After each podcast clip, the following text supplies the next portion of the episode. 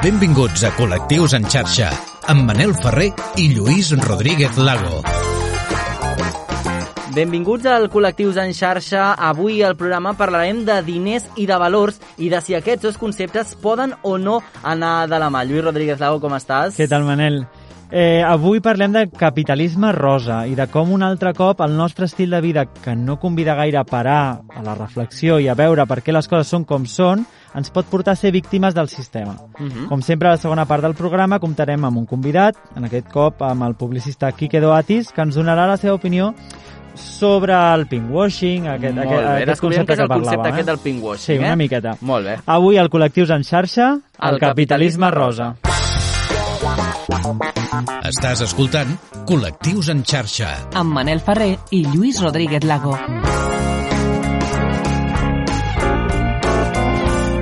I com sempre, comencem definint una mica els conceptes dels que parlarem avui i, per tant, doncs, que hi anirem fent referència durant aquesta mitja horeta de programa. El capitalisme rosa és un terme utilitzat per designar, des d'una perspectiva crítica, la incorporació dels discursos del moviment LGTBIQ a la dissidència sexual al capitalisme i a l'economia de mercat, incloent especialment, i aquí tenim un dels temes dels quals hem de parlar, el model d'home gay eh, cisgènere occidental blanc i de classe mitjana alta. És a dir, una mica, Lluís, el que mm, ve a dir-nos això doncs és el, el negoci o tot el que rodeja no? aquest eh, concepte. Exactament. Consisteix en l'obtenció d'uns majors beneficis en incorporar el consum a sectors de la població tradicionalment discriminats, Mhm. però que han adquirit un poder adquisitiu suficient, eh, els denominats diners rosa, com per generar un mercat específic enfocat a la comunitat gay, com bars i discoteques, turisme homosexual o consum cultural especialitzat. De fet, el concepte de diner rosa, que acabem d'anomenar, és el terme que fa referència a la capacitat eh, adquisitiva de la comunitat gay. És a dir, que s'acaba confirmant, Lluís, que realment la gent o, o la gent que forma part del col·lectiu té més diners? Mira, s'acaba confirmant eh, un, un concepte Sí. que és el de dink o dinky, Sí. que és el que et, et, et definiré ara, és el terme que sorgeix, sorgeix ja a la dècada dels 80 i prové de l'anglès que diu double income, no kids, doble sou sense fills, no? Clar. Es refereix a totes aquelles parelles heterosexuals també, eh? Mm. o homosexuals que decideixen ajornar la paternitat de forma indefinida o inclús renunciar a ella per dedicar-se exclusivament a les seves carreres laborals o a mantenir un ritme de vida. Per posar un exemple, a Barcelona es poden arribar a pagar uns 2.100 euros per persona per assistir a festes i fer visites a la ciutat organitzades gairebé exclusivament per homes gais durant el mes de l'orgull. A aquest preu li hauríem d'incloure les despeses de transport per la ciutat, els vols, que tindran preus diferents en funció del país d'origen de les persones que hi viuen i que volen participar, i després els gastos eh, dels dinars, sopars, begudes i tot el que va associat. Però ja tenim aquí una partida de sortida de 2.100 euros per persona. Exactament, eh? Uh, ara que ja hem contextualitzat una mica el tema del capitalisme rosa, llancem una primera pregunta. Quin és el sentit de que una marca d'alcohol faci etiquetes amb la bandera de l'art de Sant Martí? Perquè els pols oposats també s'atreuen. Escolta col·lectius en xarxa. I només que investiguem una mica ens adonarem que el capitalisme s'ha apoderat del col·lectiu LGTBI quan han vist que hi ha un mercat per explotar, no, Lluís? Exactament. No és fins a partir dels anys 90 que mitjançant l'assoliment de drets, acceptació social i la possibilitat de les persones del col·lectiu d'accedir a feines tra tradicionalment heteronormatives que el món de la publicitat i l'empresa Sí. s'interessa per aquest perfil del consumidor i es deixa enrere una fase que anomenàvem abans de clandestinitat o de comunitat tancada. Uh -huh. Així doncs, recuperant les paraules de personaje-personaje que ens Sí. deia en l'anterior programa, ¿no? que deia el capitalismo no está reñido con nada porque no tiene principios, el capitalisme s'obre camí i veu una oportunitat de negoci important, però sense arriscar gaire, i des de la seguretat de tenir una societat que a poc a poc ens va acceptant i no al revés. Per tant, Lluís, el que ens hem dit en aquest primer fragment, bàsicament, seria que quan una marca, o per norma general, eh, tampoc Mhm. podem dir eh, que és l'excepció, però quan una marca decideix fer per al Dia de l'Orgullo una edició especial amb la bandera de l'Art de Sant Martí, és perquè aquí veuen que hi poden treure calés. Clar, bueno, a, això és el que haurem d'anar desgranant i, i, aquí- i aquí és on, on haurem de posar nosaltres l'ull i... I la sobretot- conclusió final. I, exacte, no?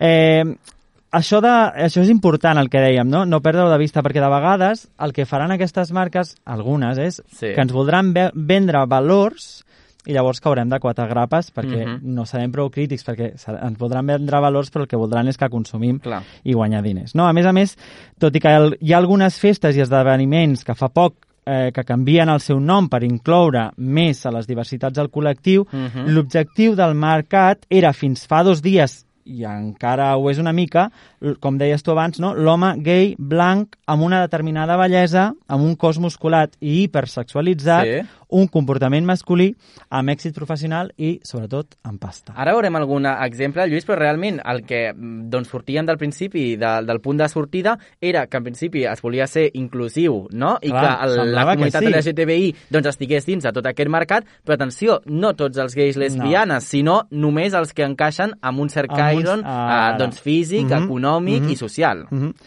A mi em ve al cap eh, una festa de cap de setmana a la neu, no?, que fins fa dos minuts es deia, portava només gay al títol, no? Sí. Semblava que només podien anar els gais, Mm. no, aquí no, no incloïa ni lesbianes, ni trans, ni res. Bueno. D'altra banda, si visitem algunes pàgines web de festes que tenen lloc a l'estiu a Barcelona, només hi veurem senyors, fotografies de senyors, Sí. amb uns cossos determinats eh, i, i, i sobretot musculats Mhm. eh, entre, entre, entre, bueno, Home, de- bàsicament. De fet, diríem, no? aquí, eh, Lluís, eh, des d'on fem el col·lectiu de xarxa, malgrat que l'escolteu arreu de Catalunya, esperem que més lluny de Catalunya, tenim molt a prop on es fa un dels festivals més Ah, grans parlem, del parlem, món, sí, no? sí. I que també trobarem exemples d'aquests. Ara els Total, explicarem, total. però va per aquí la cosa, I eh? tant que va per aquí. Amb això vull dir que l'objectiu del benefici serà el que farà que algunes empreses facin actuacions pseudo-reivindicatives Mhm. i com que les faran des d'una visió únicament de mercat, repetiran patrons excloents, que és el que dèiem abans. Sí. Per exemple, determinant quins cossos són els desitjables i quins no, i desplaçant o amagant des del mateix col·lectiu, que aquí està el guit de la qüestió, no? el col·lectiu que no Mhm. hauria de, de desplaçar, desplaçar, ni sí. de, no?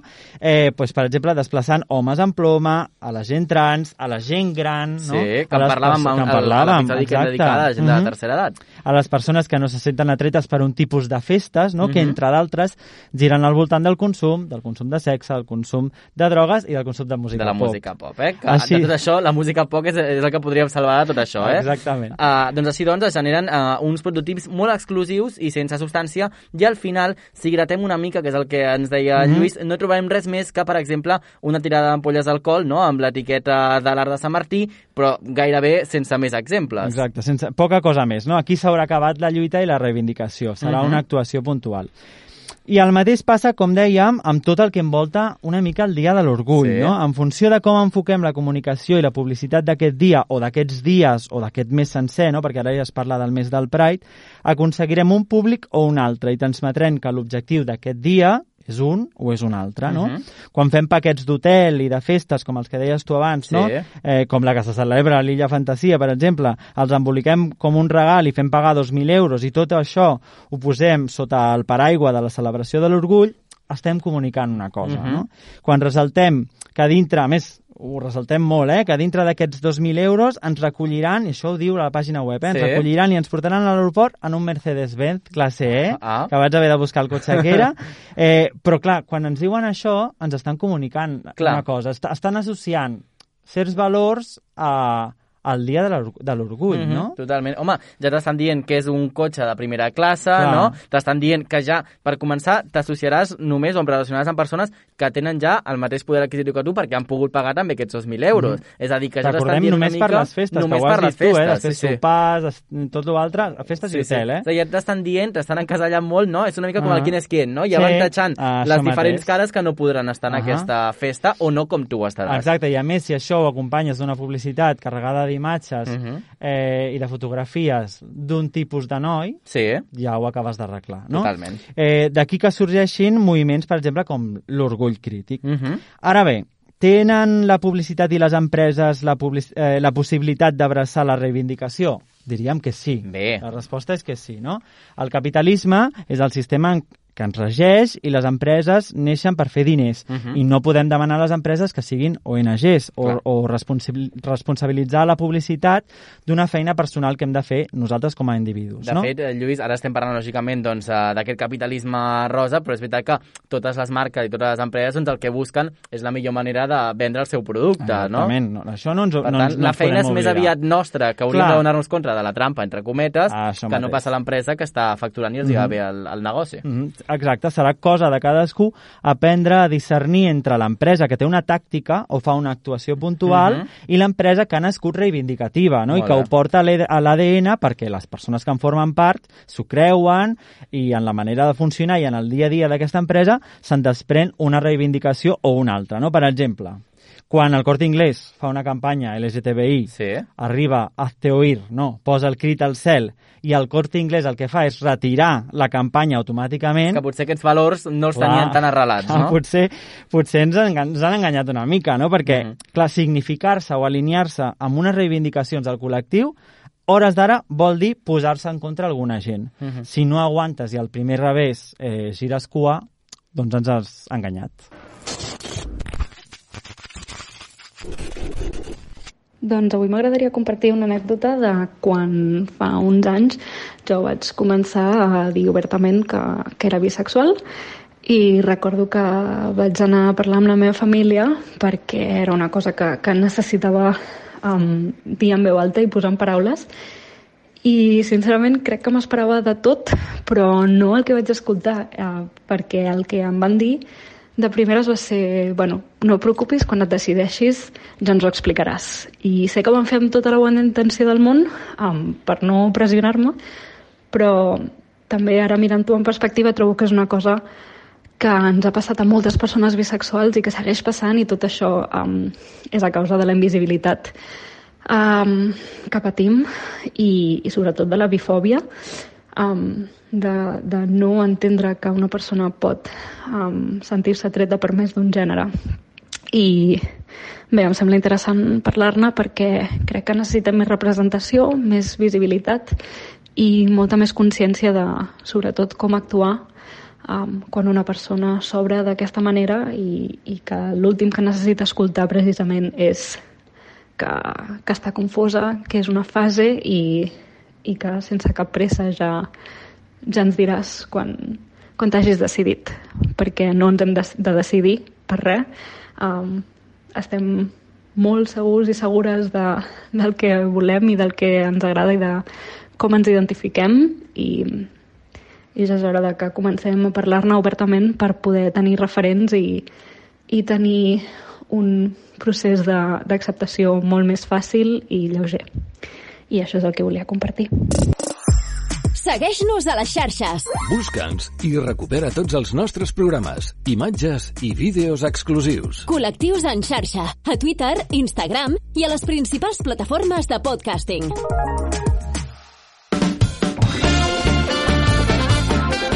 Els hauríem de dir, Lluís, vídeos inclusius, no? Potser els, els vídeos que compartim a les eh, xarxes, Total, total. eh, que agraïm molt eh, la gent que participa i Ai, que, de sí fet, que ens fan arribar també a propostes de programes. Això està perfecte, Que això està eh? perfecte i Ens va nosaltres bé, ens i tant. obre els Sí, ulls sí, sí, amb, sí. amb moltes temàtiques i que també doncs, eh, agraïm moltíssim que ens ho I facin arribar.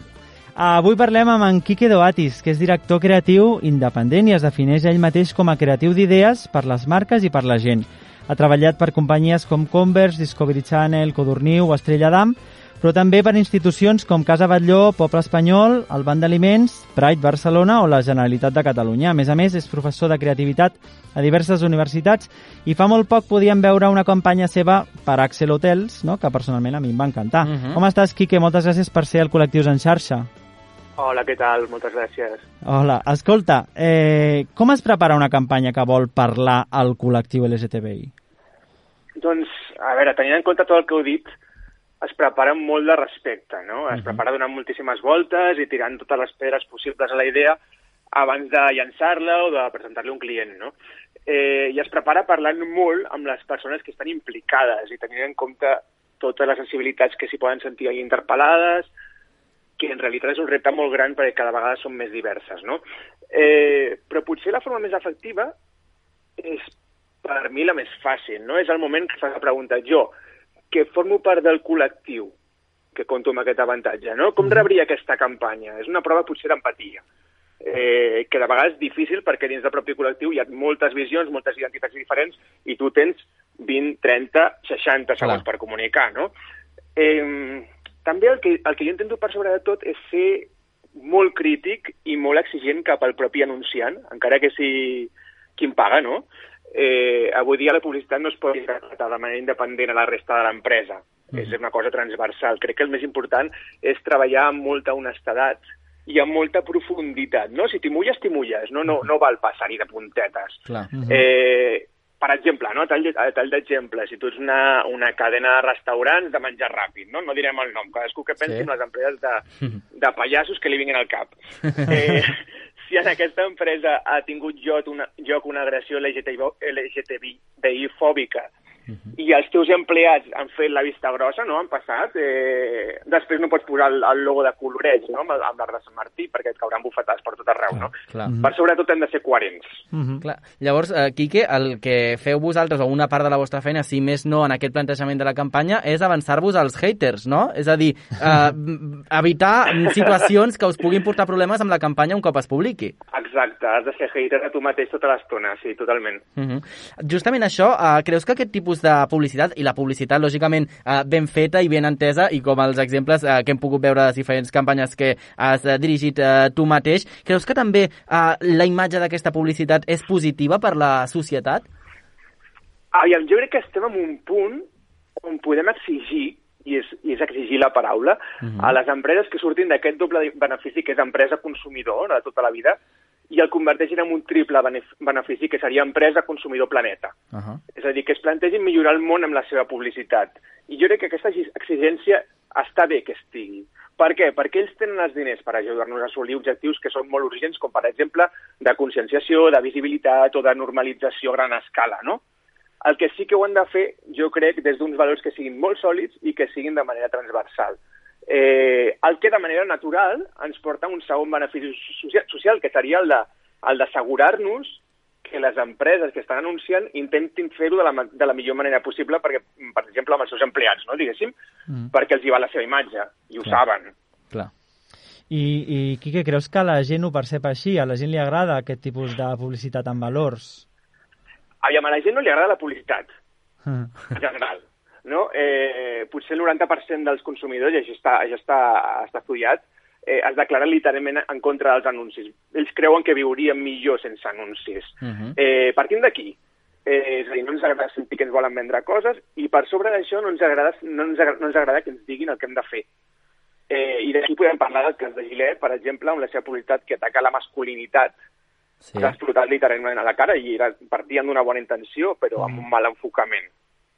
Però sí que des de que, podem dir, des de que Twitter és Twitter, els consumidors ja no volen empreses només responsables sobre la taula de reunions, no? sobre el PowerPoint, mm. sinó que prefereixen empreses que siguin honestes de veritat, que parlin des de la veritat i sobretot que no les enganyin amb estratègies com aquest pinkwashing que dèieu fa un moment, uh -huh. eh, i això realment ho demostren després amb les seves compres, és a dir, la seva forma de, la seva resposta és aquesta. Clar. Ells compren empreses que són més honestes.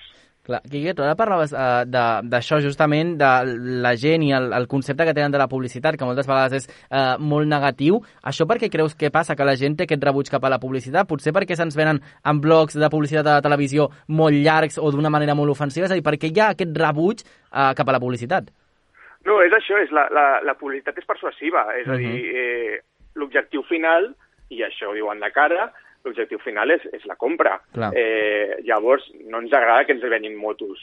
Eh, ens molesta, no ens interessa que ens venin la moto. Encara que després sí que potser hi ha un moment de- d'atracció cap, a, cap a una seducció, però eh, per, per regla general no ens agrada que em venguin, em vengui la moto i menys encara el que us deia fa un moment, no? que, que, que ens diguin què hem de fer. Eh, perquè, que pot ser compra o pot ser, Clar. o pot ser pensa així. Mm -hmm. Home, després uh, has fet també referència a aquest uh, pinkwashing que explicava el Lluís molt bé al principi del programa, que era, però nosaltres, la pregunta clau, uh, el concepte clau, com podem detectar com a consumidors uh, aquest pinkwashing?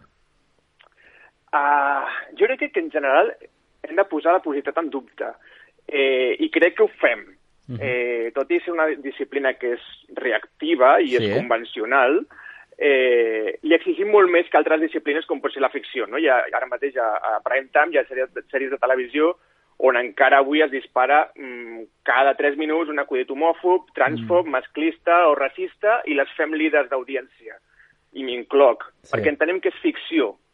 Eh, però està bé que fem aquesta, aquesta, aquest posada, aquesta posada en dubte de la publicitat i que ens convertim sobretot en detectors de- d'oportunisme empresarial, poder- podríem dir, no? Uh -huh. Eh, I hi ha casos que són molt evidents com també passa amb el greenwashing, per exemple. Fins Mm. i tot és més fàcil, no?, amb el greenwashing. Eh, però hi ha casos que no són tant, i de vegades potser ens la colen. Eh, parlant d'aquest greenwashing, per exemple, eh, des de fa uns anys, a tal d'exemple, eh, eh, hi ha una marca de cerveses que tots coneixem, Sí, que ha capitalitzat la defensa dels mars i dels oceans nets al nostre país. amb les cançons i de més, eh? No direm el nom de la marca, campanyes però... precioses. Sí, eh, quan realment els mars oceans estan plens de les seves pròpies llaunes, de les seves xapes i encara pitjor de les seves anelles de plàstic, que, que tots sabem que són dels mm, principals perills que tenen els ecosistemes. Eh, llavors, és, és posar molt en dubte tot això. I hem, realment, jo aquesta campanya concreta, eh, bé que és diverses campanyes durant els anys, Mhm. eh, ho he seguit i no té gaires haters.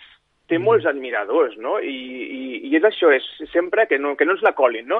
Penso que el més important és veure si el missatge que llancen sí. ens el creiem o no. Al final és tal, és tal, és, ve d'aquí, ve d'una mica de, de sensacions. Eh, si hi ha una veritat al darrere, si el, que, si el que ens connecta és una veritat, si l'empresa està compromesa amb la causa, s'intenta trencar amb estereotips imperants com això que dèieu no, de, de l'home cis blanc, Sí. eh, si posa el col·lectiu al centre de l'opinió pública o només es vol dirigir a ell com a consumidor potencial, no? I ja està, com un interès mercantil i res més. Eh, I sobretot s'in- s'intenta abanderar una causa que no és pròpia i intenta ocupar un, un lloc d'un- de les persones real. Eh, I sobretot crec que és, que és intentar endevinar o, o intuir la intenció que tenen les persones que formen part de l'empresa. Perquè una empresa està formada per persones i aquestes persones tenen les seves visions, les seves opinions i el seu, el seu, els seus punts de vista. És a dir, no és, no és, un, no és un ente, no? Eh, no és una cosa que, que, no, que, no és, que és impersonal. Hi ha persones a dins. I de vegades és difícil perquè crec que la millor forma seria, seria conèixer aquestes persones i tenir una conversa amb elles amb un cafè pel mig, cosa que no tothom pot accedir. Clar. Jo tinc aquesta sort, però no tothom, no? Mhm. Que es facin Twitter i els coneixerem més. Però, escolta, i, i tu creus que en, en algun moment donat, potser, potser en els inicis, el col·lectiu ha estat una víctima més fàcil?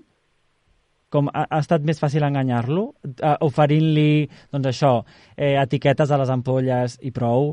I, saps? Et, eh, M'entens? Clar, el problema, aquí, el problema aquí és que ens hem, ens hem convertit, eh, i aquí ja parlem de màrqueting, no parlem Sí. de publicitat, Mm. ens hem convertit en una llicència, és a dir, eh, a, una, a una empresa fast fashion eh, nosaltres som al mateix nivell que Mickey Mouse, diguéssim, no? Eh, durant la setmana del Pride o el mes del Pride, eh, ells tracten d'aquesta manera la bandera, la bandera LGTBI, eh, com si fos la, una, una, una llicència de, de Disney o, o, ja. o de HBO, no? Sí, sí. Jo crec que el gran problema és aquest. Eh, quan hi ha una, empre una empresa de cava que decideix posar una ampolla de cava eh, amb la bandera LGB LGBTI per vendre a uns, a uns consumidors, mm -hmm. uns certs consumidors, consumidors, i aquí ja no parlem d'un públic, parlem de consumidors. Eh, sí, és, de, és delicat. No crec que siguem més víctimes, que és el que us deia fa un moment, amb el tema del medi ambient. Quants anys fa que estem parlant de responsabilitat social corporativa com una, com una expressió completament buida? Eh, al final és qüestió de valors, i amb tots els valors s'hi s'hi pot fer trampa. Totalment, home, i, i ho estem eh, descobrint segurament també, ara pensava, com parlaves, doncs aquestes llicències, no?, del fet que es fa doncs com una línia del Mickey Mouse o de qualsevol eh, altre dibuix animat, no?, i segurament doncs el fet aquest, que justament durant una setmana concreta es fan aquestes ampolles de disseny especial i després durant la resta de l'any aquestes desapareixen i no les trobes a ningú lloc, no? Potser per aquí també ens pot servir això de pista. Uh -huh. Mm -hmm. Exacte. Doncs, Quique, moltes gràcies per haver estat amb nosaltres i per donar-nos aquestes eh, claus també, eh, doncs, més enllà del que nosaltres sempre expliquem en aquest programa, doncs, també des de la vessant eh, més professional i des de l'experiència que tens i que nosaltres ens estem també molt contents de que hagis passat per aquest Col·lectius en xarxa. Moltes A gràcies. vosaltres, moltes gràcies. Que vagi molt bé. Abraçada.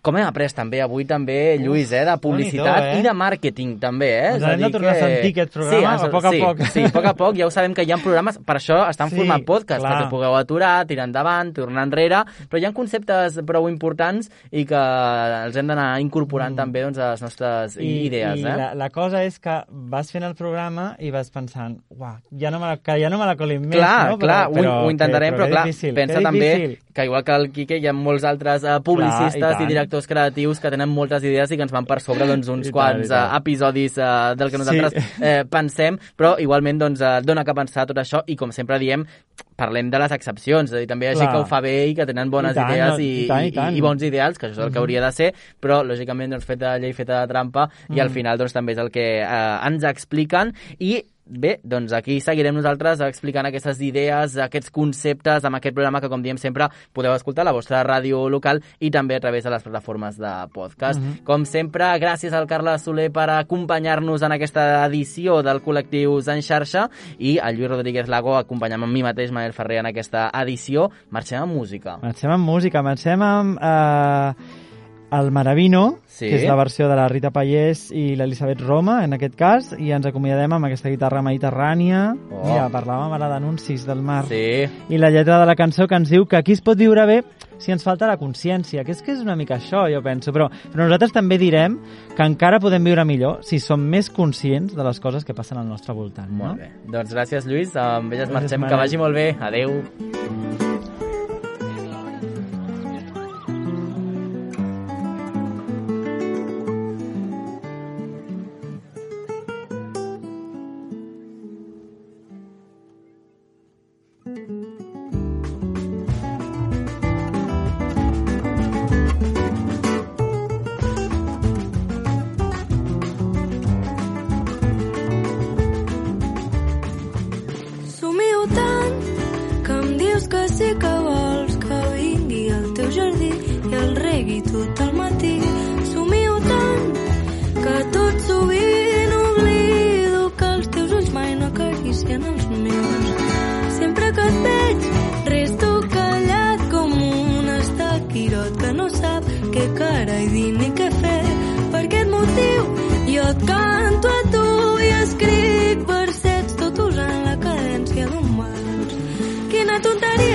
parlar de un hi ha tantes guerres.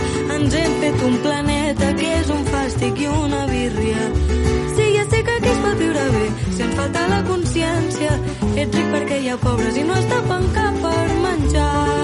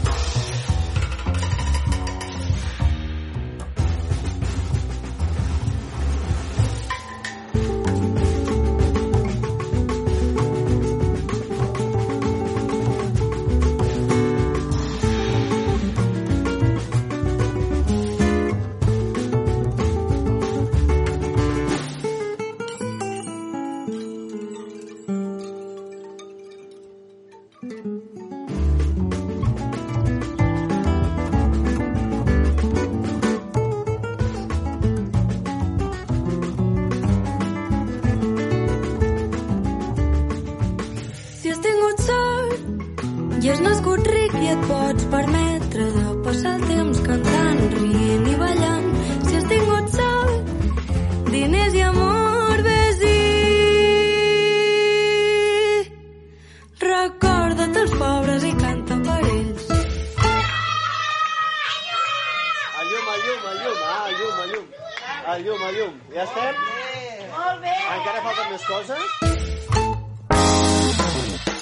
Perquè l'amor no té regles ni instruccions, Escolta Col·lectius en xarxa.